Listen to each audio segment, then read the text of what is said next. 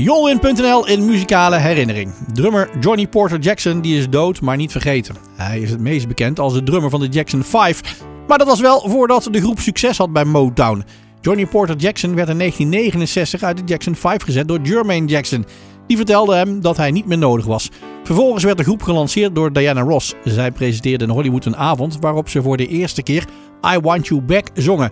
Hun eerste album, Diana Ross Presents The Jackson 5, kwam nog diezelfde maand uit. I Want You Back gold niet voor Johnny Porter. De drummer was dan ook geen familie van Jackie, Tito, Jermaine, Marlon en Michael. Al werd hij samen met keyboardspeler Ronnie Redseffer wel als neefje gepresenteerd.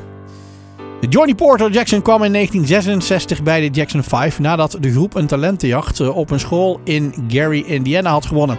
Na succes bij verschillende zangwedstrijden meldde Joe Jackson zijn zoons aan voor een wedstrijd in het Apollo Theater in Harlem, New York. Dat leverde in 1967 een platencontract bij Steeltown Records op. De eerste singles van de Jackson 5 waren Big Boy en We Don't Have to Be Over 21. Johnny Porter Jackson die werd vandaag in 2006 dood in zijn huis in Gary gevonden. Hij was tijdens een ruzie door zijn vriendin met een mes in zijn borst gestoken. Deze Jolanda Davis die werd veroordeeld tot twee jaar cel. De uitvaart van Johnny Porter Jackson werd door Janet Jackson betaald. Maar de laatste eer bewijs ik hem nu met Big Boy van de Jackson 5. In memoriam drummer Johnny Porter Jackson. Hij stierf twee dagen voor zijn 61ste verjaardag.